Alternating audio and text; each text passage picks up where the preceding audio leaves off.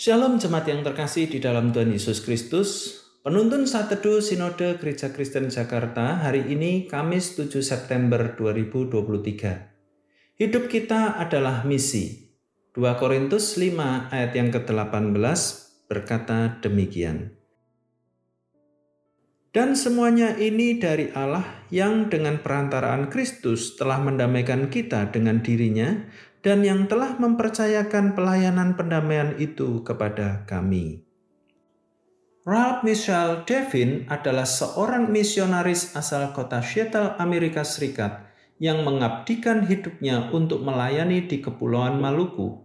Sejak awal panggilannya, ia bersama istri, Edna, menghadapi berbagai tantangan berat termasuk penolakan dari lembaga misi saat mengajukan permohonan menjadi utusan lintas budaya di Hindia Belanda, sekarang Indonesia. Perjalanan mereka menuju Kepulauan Maluku juga penuh ujian. Dengan Etna mengalami sakit parah selama perjalanan dan mereka membawa lima anak kecil. Namun, tantangan tidak berhenti di situ. Selama pelayanannya, mereka dihadapkan pada situasi sulit seperti perang saat masa perjuangan, invasi tentara Jepang yang memaksa warga negara asing meninggalkan Indonesia, dan setelah Indonesia merdeka, mereka masih menghadapi tantangan dari pemerintah karena dicurigai terlibat dalam penyeludupan senjata.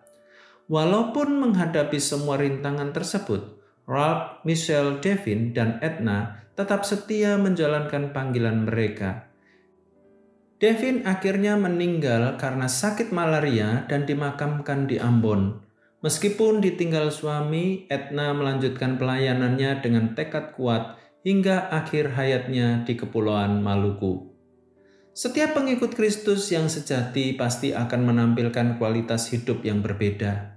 Mereka yang telah mengalami karya Allah dalam hidupnya seharusnya tidak boleh berdiam diri sebab kita dipulihkan untuk menjadi perpanjangan tangan Allah menghadirkan pemulihan. Kita diselamatkan untuk menjadi pembawa pesan keselamatan. Kita diberkati untuk menjadi saluran berkat. Inilah rancangan Allah bagi setiap umat kepunyaannya, supaya di mana kita hadir, di situ karya Allah dinyatakan. Ke mana pun kita pergi, Kristus dinyatakan.